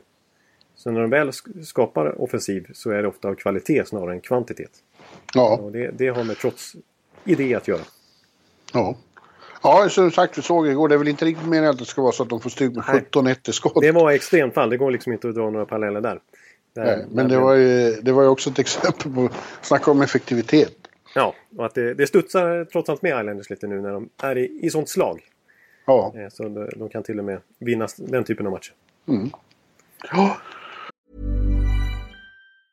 Quality sleep is essential for boosting energy, recovery, and well being. So, take your sleep to the next level with Sleep Number. With a Sleep Number smart bed, you can individualize your comfort level and enjoy a better sleep night after night. JD Power ranks Sleep Number number 1 in customer satisfaction with mattresses purchased in-store. And now the Queen Sleep Number C4 smart bed is only $1,599, a saving of $300 only for a limited time. For JD Power 2023 award information, visit jdpower.com/awards. Only at Sleep Number stores or sleepnumber.com. Nu var jag på väg med en annan uh, övergång, men jag fastnade lite. Alltså. ja, vi pratar om Lene här. En, en annan målvakt uh, som det går... Uh, ja, han har ju mer renommé som etablerad superstar. Men som det nu svajar och blåser väldigt kring. Det är ju då Sergej Bobrovski. Du, du hittar en övergång där också från eh, Islanders ja. till, till Columbus. Det är bra. Ja, för att eh, det verkar ju ha utbrutit en regelrätt konflikt mellan Bobrovski och eh, Columbus klubbledning och lagledning med John Tortorella i spetsen. Ja. Han var petad igår efter en incident, som de säger. Ja, precis. Nere i Tampa ju. Där de fick stryk med 4-0 och han blev utbytt. Eh, varpå han eh, lämnade isen i affekt kan man väl säga. Han tittade ingen i ögonen. Tortorella tittade nog inte i ögonen heller. Han bara rusade ut i omklädningsrummet och kom aldrig tillbaks. Trots att matchen fortgick. Mm. Jaha, det visste inte jag. Jag har varit lite bortkopplad. Jag, jag, jag trodde inte man visste vad det var som hade hänt. Nej, men det är väl kanske inte bara det som är grejen. Det, det, uttryckligen så har, är det ingen som vet exakt vad det, den här så kallade incidenten syftar på. Men det man kunde se med egna ögon var ju att han inte kom och satte sig i båset igen efter att ha blivit utbytt. Utan han försvann från matchen helt enkelt. Ja, och det intressanta i det här är ju då att han eh, redan i somras vägrade gå med på att skriva nytt, förlänga sitt kontrakt som går ut nu. Ja, Så de befinner sig i lite limbo eh, med både honom och Panarin, men framförallt honom då. ja. Eh, Samtidigt som han har full no trading-klausul. precis. Han kan ju sätta stopp för, för klubbar som eventuellt kommer överens med Columbus om en trade om man inte vill dit. Nej, precis. Och, och det lät som att eh, eh, det lilla jag hörde av vad Tortorella sa så kan man läsa mellan raderna att okej, om det är så du ska behandla oss så ska vi behandla dig, eh, då spelar vi det inte. Och sänker ditt värde. Ja, precis. Om, man, om de ändå inte kan trada honom. Liksom. Så Nej. om, om han tänker vänta ut till första juli och gå gratis, då tänker inte Columbus liksom, behandla han på något respektfullt sätt heller. Nej. Och eh, laget samlades ju till en, en väldigt fin insats igår. Ja, precis. Slog Nashville. Ja, eh, det är väldigt stort. Ett Nashville som verkligen har kommit igång nu när de har fått tillbaks alla skadade och inte minst då Filip Forsberg igen som avgjorde, gjorde två mål och avgjorde häromkvällen. Mot eh, Chicago var det. Just det. Precis, med eh, kanon, två kanonmål faktiskt. Ja, Så att de fina. Filip. Fina Filip. Ja. Ja. ja. Eh, så, och det var ju Tortorella väldigt nöjd med igår. Jag såg intervju efteråt. Han var extrem. Det var hans 600 seger. ja, just det. Precis. Det var en milstolpe. Mm. Ja, Han börjar klättra i, i den här tränarvinstlistan eh, totalt sett genom historien han med. ja. Han var extremt nöjd med vad spelarna hade gjort i den matchen. Trots att det var sånt eh, liv kring Yeah, there's some issues around our team, right? Ja, ja, ja. ja det är typiskt Tortorella. Ja. Ja, det, det, är en, det är en speciell eh, situation i alla fall med Bobrovski, det får man säga. Ja, vad tror du kommer hända då? Ja, Är inte det bästa för alla parter att de kommer överens om en trade till något bra lag då, som han vill till och Ja. att eh, Columbus får mycket saker för det, det är ju bättre än att fastna i något slags principernas krig. precis. Det här känns ju bara överdrivet om det ska gå så här långt. Att de ska bänka honom och han ska sitta och sura liksom. Ja, Eh, Det här bo- borde kunna gå att lösa på ett smidigare sätt. Och jag menar, skulle jag vara ett, ett, eh, en eh, lag med lite contender-ambition så skulle ju en rental av... en- måste inte vara en, en långsiktig värvning men ta in Bobrovski. Liksom här Nej. inför slutspurten. Det skulle man inte tacka nej till. Visst, han har inget fantastiskt slutspelsfacit. Tvärtom. Det ju, påstås ju att det ligger bakom lite den dåliga relationen mellan klubbledningen och Bobrovski. Att till exempel Kekkeläinen ska ha föreslagit att, till Bob att han behöver mental rådgivning. Eh, och det, eh, det tyckte han inte alls om. Det, det har det pratats om i några år faktiskt. Att, att Columbus vill att han ska få det. Och han har till och med sagt det på en rak fråga själv. Eller han tog upp det själv faktiskt. eh, När de åkte ut här senast mot Washington. När de ju kollapsade efter att ha lett med 2-0 i matcher. Och sen blev det 4-2. Här i senaste slutspelet. Då sa han själv. Innan någon ens hans fråga så tror jag att han sa så här. Eh, any question about eh, mental och bla bla bla vad det heter. Eh, totally out of the question. Och sånt där. jaha. Så han vill inte syssla med sånt. Utan han klarar sig själv minsann. Och han är inte någon choker liksom. Nej, nej. Mm. nej, då får han väl fundera. Grejen dock är, Jonathan, av de lag som ligger på slutspelsplats nu. eh, Så det är väldigt få som, eh, som har ett skriande behov av en, av en första Morris. De är ju faktiskt bra överallt. Ja, nej, jag, jag hittar jag, jag kan gå igenom det väldigt snabbt. Holtby i Washington eh, behöver inte ersättas. Matt Murray i Pittsburgh har ju blivit jättebra här. Du Verkligen. har Vasilevski i Tampa. Eh, bäst. Ja, ja nej, det behövs ingen. Eh, Fre- Fredrik Andersen. Är om någon skulle bli skadad då. Eh, Ja, men det känns som att de inte Boston prioriterar. kanske, jag vet inte. Nej, no, alltså... alltså, alltså Eller för, Calgary då. det var väl Calgary som det pratades framförallt eh, för en månad sedan. Eh, Nu när Rittich har varit så bra så känns det inte riktigt lika akut. Men eh, nu har man ju en small sample size som det heter på Rittich att luta sig mot. Mm. Så att det är klart att det kanske skulle vara tryggare med, eh, med eh, man tänker kortsiktigt här med Bobrovski. Eh, Men ja, jag, tänkte också Carolina som ju inte är helt avhängda än. De är ju vad de, fem poäng från slutspel ungefär. Ja, de har ju haft en väldigt... De fick stryk nu då igår mot ditt Tampa, men innan dess hade de väl fem raka va? Precis, de har varit heta och där får man ändå säga Ja. att McEllen inte minst har varit duktig i kassen. Eh, Men eh, ja, nej, det känns ju snarare som att Bobrovski är ett namn för de här lagen som är helt borta. Och att det i så fall blir i sommar när de kan ta en gratis. Eh, Ett Ja, men visst. Ja. Så, så är det ju. Men, men det, det vill ju då Columbus förmodligen inte Nej, det är ju på. den situationen de vill undvika. Då Ja. tappar de en, en supermålvakt, en dubbel vinnare för ingenting. Ja. Det, det Jag tycker, de, inte.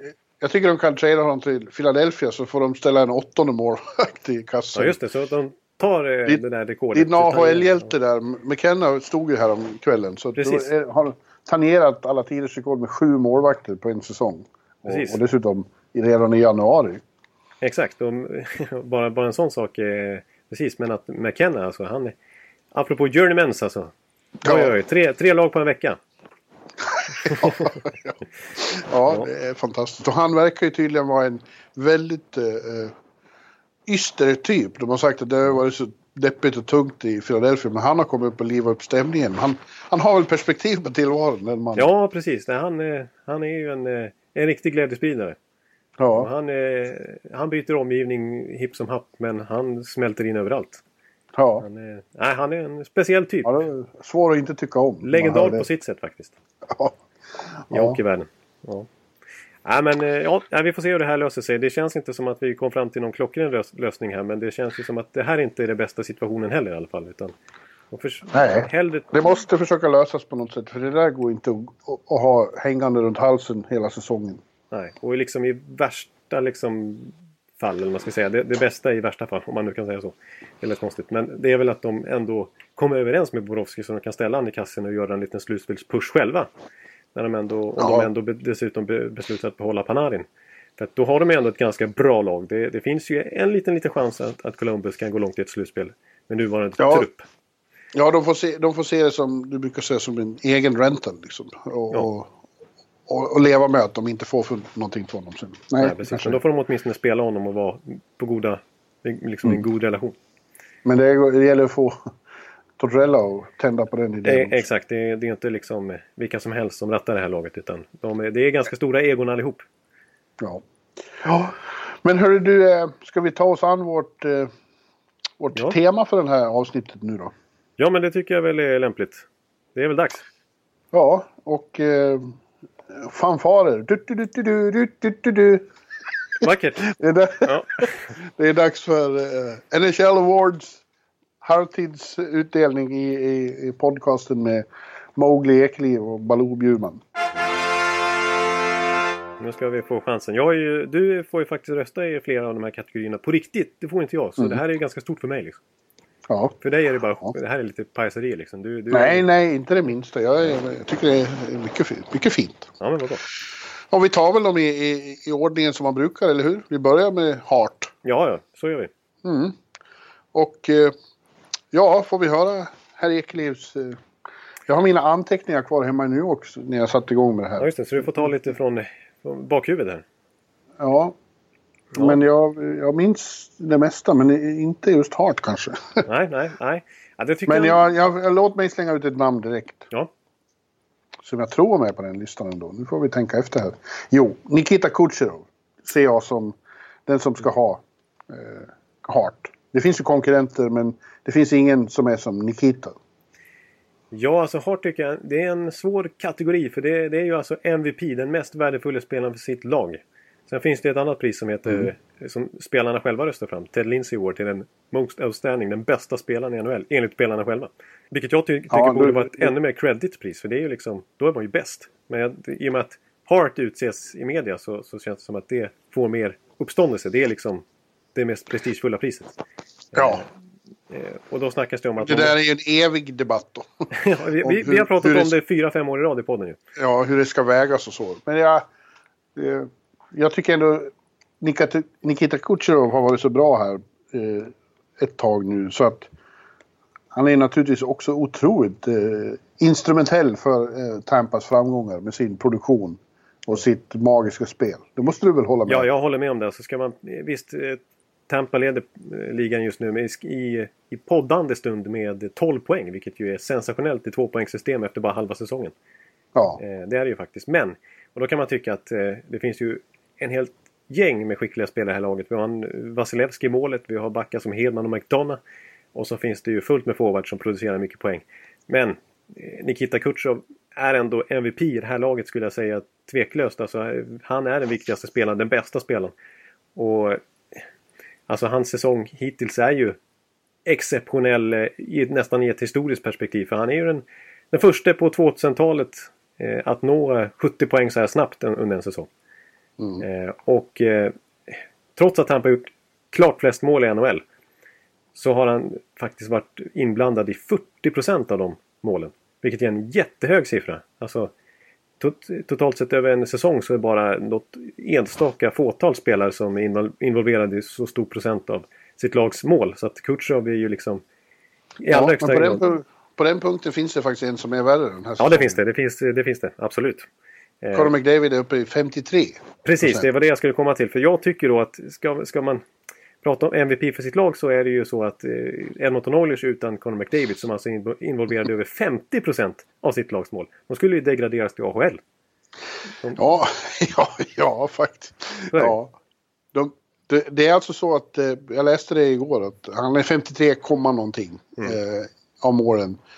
Och Wayne Gretzkys högsta siffra eh, någon gång på tidigt 80-tal var 52 procent någonting. Så det är helt unika siffror hans. Men nu kommer vi tillbaka till den debatten som var i fjol då när han inte fick Hart. Ja. Eh, Conor McDavid. Att, ja, han är, vikt, han är viktigast i ett lag men när laget inte går till slutspel så blir det hmm, är det värt så mycket då? Nej, nu är det nästan folk, som, folk som skämtar om och säger att uh, utan McDavid skulle ni åtminstone komma sist och få Jack Hughes eller Capo Caco. Det hade varit mer värdefullt. Ja. Än att han, ligga i ingenmansland liksom. Nej men ja, så det är ju en debatt och jag kan på ett sätt köpa det. Och på det viset tycker jag liksom att Ted Lindsey Award ska premieras mer för det är ju den bästa spelaren och det är ju McDavid. Ja, det är det. Så att eh, det är ju det bästa priset man kan få. Det finns ju fler som skulle uh, aspirera på nominering definitivt och det är Nathan McKinnon. Ja, ja visst. Man, man diskuteras vem av Rantanen och McKinnon med tanke på att Rantanen har gjort så mycket poäng. Han har också legat snäppet före i princip hela säsongen. Men McKinnon är, är ändå enligt mig den som driver Colorado. Ja, ta bort honom ur den där kedjan. Han är den som är mest värdefull i den där kedjan tror jag. Det, det, det skulle inte alls vara samma magiska kedja med Rantanen, Landeskog och du vet, vem som helst. Ja, nej. Utan han är, han är the driving force. Ja. Så jag, ja, och så sa vi Gaudreau som gör sin bästa säsong någonsin. Han är också med där och nosar på det priset tycker jag. Ja, och jag, jag slänger in också faktiskt ett stekhett lag just nu som vi sågade under hösten. Och en spelare som till och med hade möte med tränaren för att det inte gick som man hade förväntat sig av, av en sån här spelare. Det är inte vem som helst. Men Sidney Crosby. Så som han har spelat eh, under december och januari här så han kanske varit bäst, kanske varit eh, bäst i ligan. Alltså aspirerat på, på så pass faktiskt. Han har varit fantastiskt bra, Sidney Crosby måste jag säga. Så att eh, han, är, han är nästan där också om Pittsburgh skulle fortsätta på den här vägen. Mm. Så, så, mm. Nikita då? Eh, har han varit nominerad förut? Eh, nej, inte till Hart. Nej. nej. Ja, till något annat då? Eh, eh, nej, nej jag, kan inte, jag, kan inte, det kan jag inte komma på. Så han får åka till Vegas i sommar och åtminstone vara nominerad. Det måste vara kul för honom. Ja, det tycker jag. Det, nej, men jag, jag, kan, jag är ju väldigt... Eh, jag är ju inte objektiv när, när man ska prata Hart och Kutjov. Men jag, jag, jag... Ja, vi kan skrika från läktaren också att eh, Alex Ovechkin får man inte glömma bort de här gångerna. För ta bort honom ur Washington, då är det ett betydligt mer mediokert lag också. Ja, nej, det, det, det, finns, eh, det finns några ganska liksom acceptabla alternativ. Jag, jag tycker det är ingen given. Sådär, eh, det är inte. Utan jag skulle kunna köpa en fem sex olika namn nästan utan att bli upprörd. Ja, ja absolut. Mm. Men nu, nu går vi vidare och vad tar vi då om inte Norris? Just det. Och eh, det är alltså bästa, pris till bästa back. Eh, och det, det, har funnits under hösten har det funnits några som har framstått som givna kandidater där och för en gångs skull inga svenskar. Eh, utan det har varit John Carlson och eh, Mark Giordano. Eh, som ja. det framförallt har pratats om. Och lite Morgan Riley. Ja, ja. Brent Burns ja. Ja, ja, jag måste... Men, ja. som vi nyss talade om. Nu när Erik Karlsson har kommit igång. Och grejen med Erik Karlsson är att när han har kommit igång på det här sättet. Då brukar han ju bara fortsätta varva. Då, när han blir så här het. Då, då jävlar. Blir han het då blir det som det där året med Ottawa när han tog dem till tröskeln ja. till Stanley Cup-final. När, när det blir sådana här superlativ som att på den sjunde dagen och så vidare, åttonde dagen eller vad det nu hette. Ja. Så skapade så, Gud. Ja, ja eh, och, och då, då, kan man ju invända, ja men ska man vara aktuell när, när det har, man haft en så trög inledning och så trög höst. Nej, det kanske man kan tycka, men det är alltid så att när det kommer till de här individuella priserna så är det, så är det andra halvan som betyder mest. Precis, det är en väldig recency bias. Ja. Och det kanske är för oss också nu när vi eh, tar våra... ja, om vi nu verkligen ska hålla oss till första halvan av säsongen så ska han väl kanske inte vara aktuell. Nej, men det, det som är lite speciellt med Erik Karlsson och som många poängterat här också nu när han är som hetast och som man gjorde även när det gick som sämst. Var att hans, hans possession-siffror och hans driv, driv av spelet var ju nästan lika bra då. Alltså han är, han är ju den som har högst corsi i hela ligan faktiskt. Sett över den här första halvan av säsongen. Han är en otrolig eh, alltså, drivare av spelet när han är inne på isen. Då är det anfall som gäller. Då flyttar han upp spelet. Eh, men i början av säsongen hade han ju fruktansvärd utdelning framåt. Alltså bedrövlig utdelning. Det är liksom, ingenting gick in.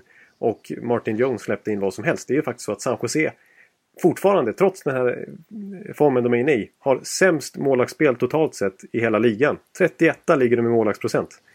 Om man- Kanske ska ta in Bobrovski. Ja, precis. Just det. Exakt. Om man, alltså, han har inte varit så bra, Martin Jones, den här säsongen. Men, Men nej, du, ja. eh, regerande Norris Trophy-vinnaren då? ja, det har inte Victor pratat så mycket Hedman. om... eh, Nej, det har inte pratat så mycket om Victor. Det har snarare från Tampa-håll eh, lyfts fram att eh, McDonough har varit MVP bland backarna. Mm. Och, och eh, både Cooper och eh, nya general managern Brisbois har ju sagt att eh, han är liksom... Han ska vara med i, i Norris-diskussionerna. Han är, han är så pass bra.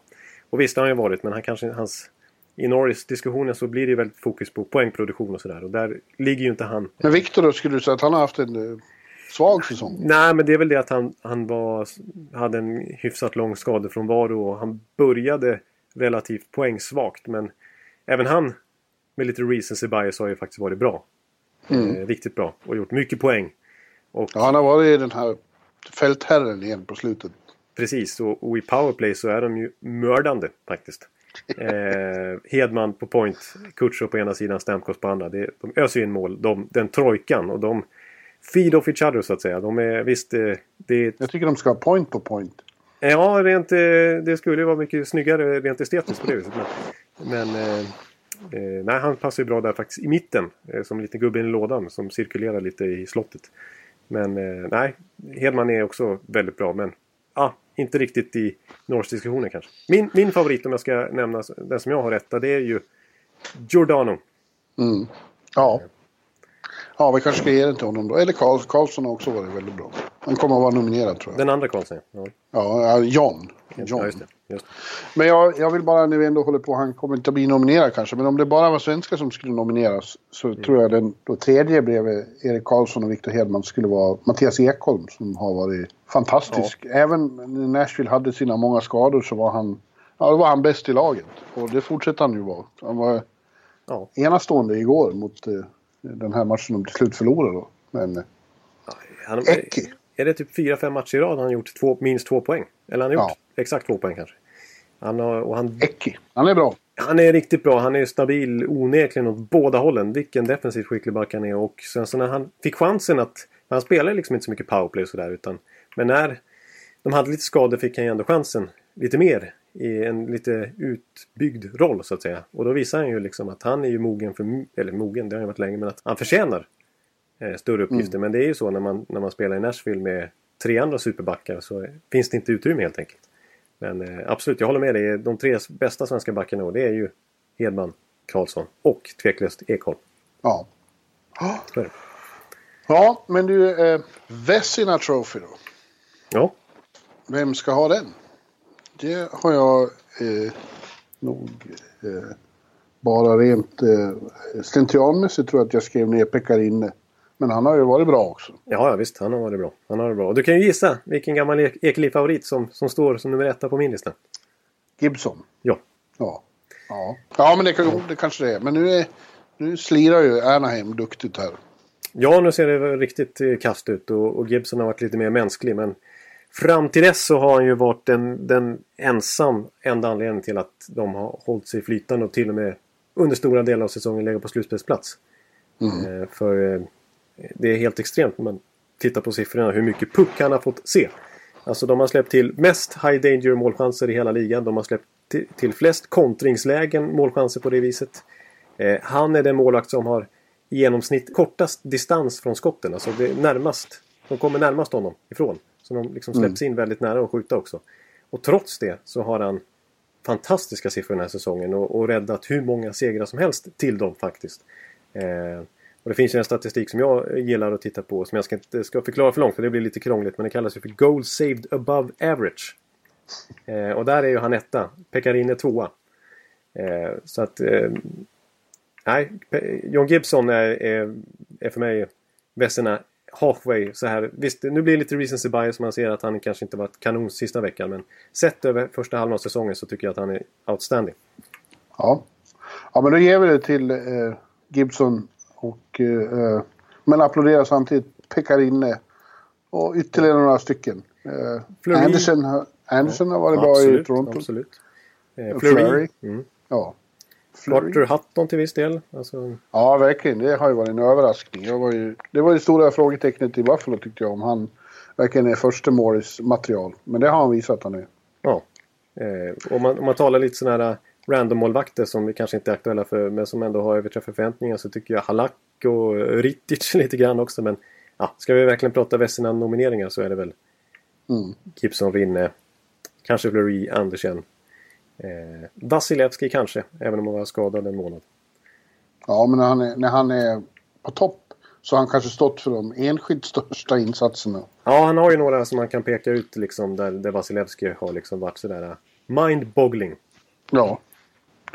Yes. Ja, då har, har vi Ja, vi har Calder Trophy också. Priset till ja. bästa rookie och där behöver, vi inte, där behöver vi inte ens ha någon diskussion. Nej, det behöver vi inte argumentera eller någonting. Nej.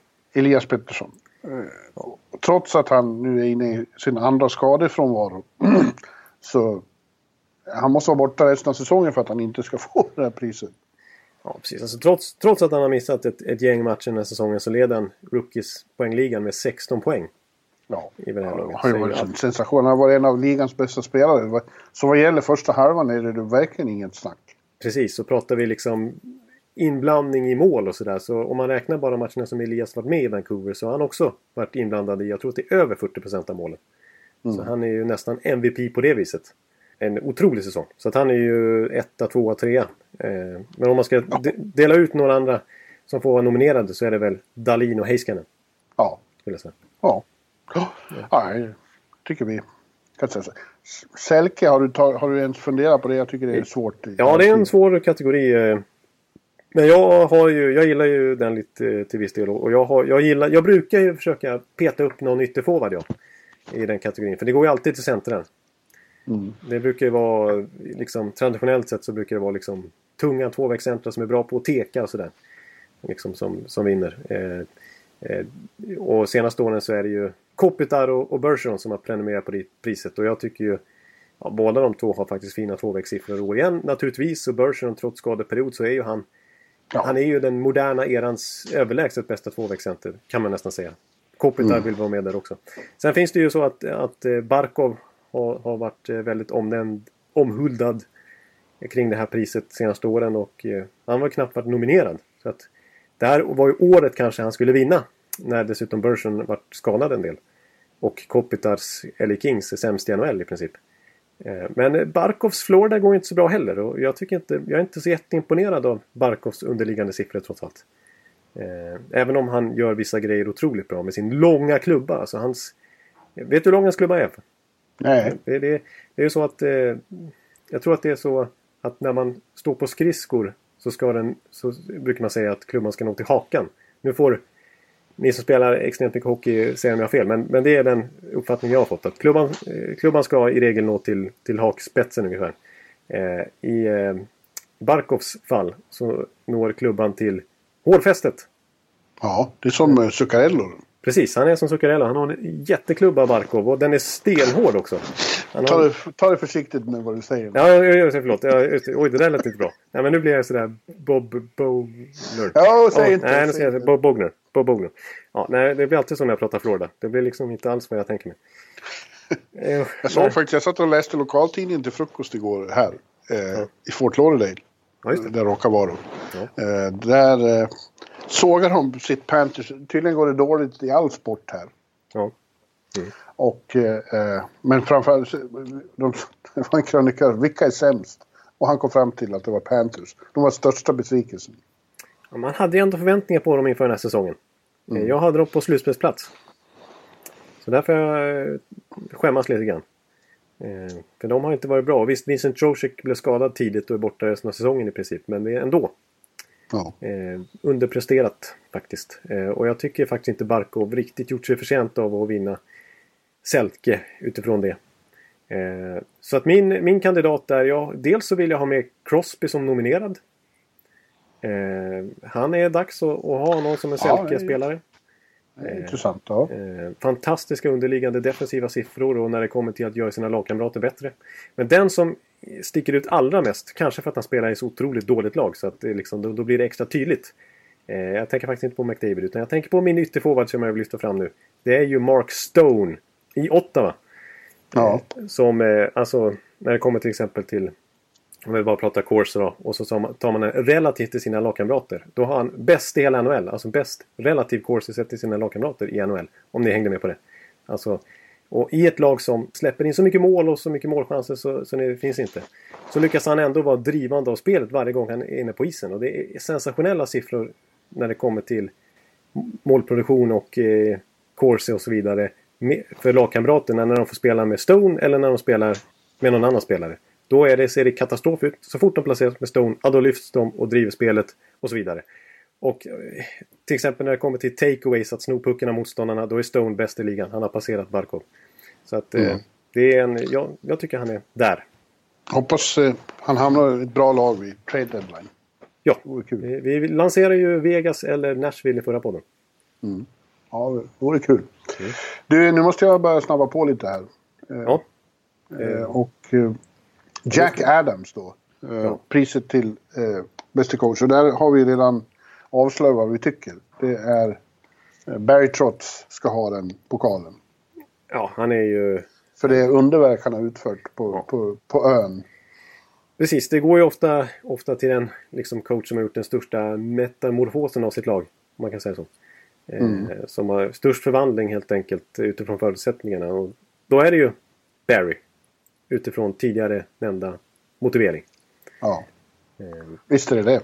det de, konkurrenter, det finns ju många som är bra coacher alltid men som man inte... Ah, man förväntar sig inte något mindre av Cooper och Babcock och Lavy och eh, Winnipeg. ja, eh, Maurice. Ja, Maurice och, och Galant. Eh, det, det man kan framhålla möjligen tycker jag är då Bill Peters. Ja. Att han har ändrat så mycket i sitt tankesätt och trivs så bra där hemma. Och så eh, Phil Housley då i Buffalo. Ja, eh, precis utifrån förändring sett till förra året och vad man har fått ut av laget i år. Så är ju Phil Housley där också. Där ska man inte bli alltför påverkad av recency bias heller. Nej. Eh, Ja. Så Trots att, eh, nummer ett. Ja, absolut. Men jag tycker också vi ska dela ut General Manager of the Year. Och där finns det några intressanta namn. Men där är min etta, måste jag säga, Jason Botterill i Buffalo. Ja, precis. Jag tycker Jag- han är den som har... Eh, ligger bakom flest drag som har gjort laget bättre. Precis. När jag, när jag, eh, jag har inte tagit ut någon sån på förhand där, men när jag skulle ta ut Jack Adams så hade jag faktiskt inte Phil Housley nominerad. Med motiveringen att jag tycker att Botterill ska vara den som får mest Ja.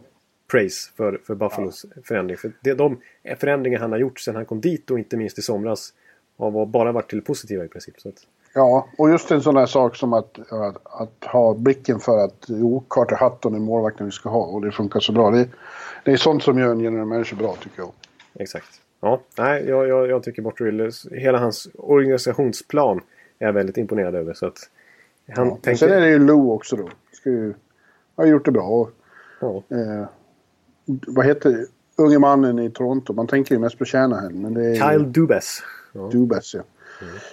Och även faktiskt Mark Bergevin tycker jag man får applådera lite. Totalt utdömd Ja. eh, för några trade han har gjort. Men har nu lyckats eh, ja, reshapea det där laget helt och hållet.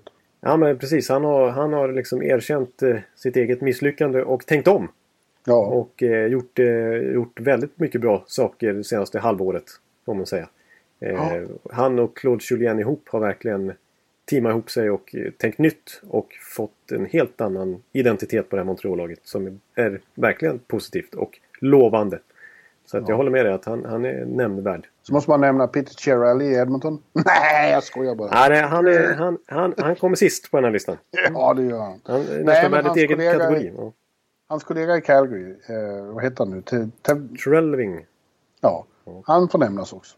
Eh, han gjorde bra saker här med Lindholm framför allt då. Eh, Ja, och Bill Peters som coach.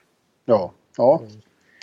Det är väl, eh, enda minuset är väl James Neal-kontraktet. Men det, det behöver inte Men det är inte riktigt hans fel. Det är mer James Neals fel skulle jag vilja säga. Ja, Alltså James Neal som ändå gjort konstigt alltså. För visst, han är lite till åren och man kanske kunde förvänta sig det. Vi ser det av 30-åringar ibland att, att det går snabbt utför. Men han har ändå gjort över 20 mål samtliga säsonger i, i NHL. Mm. Bortsett kanske rookie-året. Det är decenniums tid har han varit pålitlig. Ja, men det trodde ju alla att det, det är ju en bra signing. Men, Precis. eh, ja, tyvärr. Nej, ja. Ja, det är väl hela. Eller vill du dela ut King Clancy också? Nej, jag skiter i King Clancy och Lady Bing och allt det här. Det får vara. Ja, La- Lady Bing. Nej, jag tycker, eh, jag tycker eh, vi, vi eh, stänger butiken och eh, det där var helt enkelt eh, Biffen och eh, Mowglis eh, Awards. Ja, Eh, halfway through the season. yes sir. Då tackar vi för den här veckan. Eh, Lite försenade och återkommer tidigare nästa vecka, hoppas Ja. vi. Ja, precis. Då lär det bli, bli mer normal utgivning så att säga. Ja, Men eh, vi, vi får tacka för att eh, ni lyssnade på oss så här långt igen. Och, eh, ja det var... eh, Han blir riktigt sugen på att göra podcast den här veckan i och med att det drog ut på tiden. Ja. Eh, Och eh, ja, det var väl det hela. Det var det hela. Så eh, dags för nya, nya ämnen helt enkelt nästa vecka. Det hinner ju hända lite över helgen och så vidare. Så att det, blir, det blir bra. Ja, vi säger så då. då- Hej och tack och hej och hej. hej och tack och hej hej. Hallå, hallå, hallå. Hallå, hallå, hallå. Alex Chiazot, Joe Luis Arena och Esposito. Esposito. Uttalsproblem, men vi tjötar ändå. Och alla kan vara lugna, inspelningsknappen är på. Bjuder Hanna Kohl, han är grym i sin roll. Från Kållesoffan har han fullständig kontroll på det som händer och sker. Det blir ju allt fler som rattar in hans blogg. Och lyssna på hans podd. One, two, three, speed, so Hallå, hallå, hallå. One, two, three, speed, so Hallå, hallå, hallå. Ekeliv, som är ung och har driv. Verkar stor och stark och känns allmänt massiv. Han hejar på Tampa och älskar Hedman. Sjunger som Sinatra. Ja, och där ser man. Nu är det dags för refräng. Dags för magi, Victor Norén. Du är ett geni. Så stand up at home and remove your hats. Höj volym, för nu är det plats. One, two, three, speed, so Hallå, hallå, hallå. One, two, three, speed, so Hallå, hallå, hallå. One, two, three, speed, so Hallå, hallå, hallå. One, two, three, speed, so Hallå, hallå, hallå. Det er utroligt længe siden mor, der samtidig også har råd. Hallå, hallå, hallå. Det er utroligt længe siden mor, der samtidig også har råd.